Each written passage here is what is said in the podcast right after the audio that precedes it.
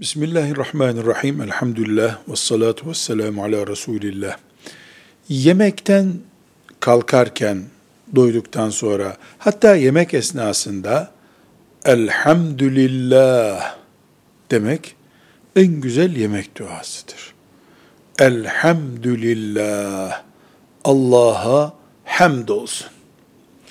Resulullah sallallahu aleyhi ve sellem'den farklı dualar yaptığına dair bize bilgiler ulaşmıştır. Ama hepsi bu eksendedir. Mesela şöyle buyurmuş.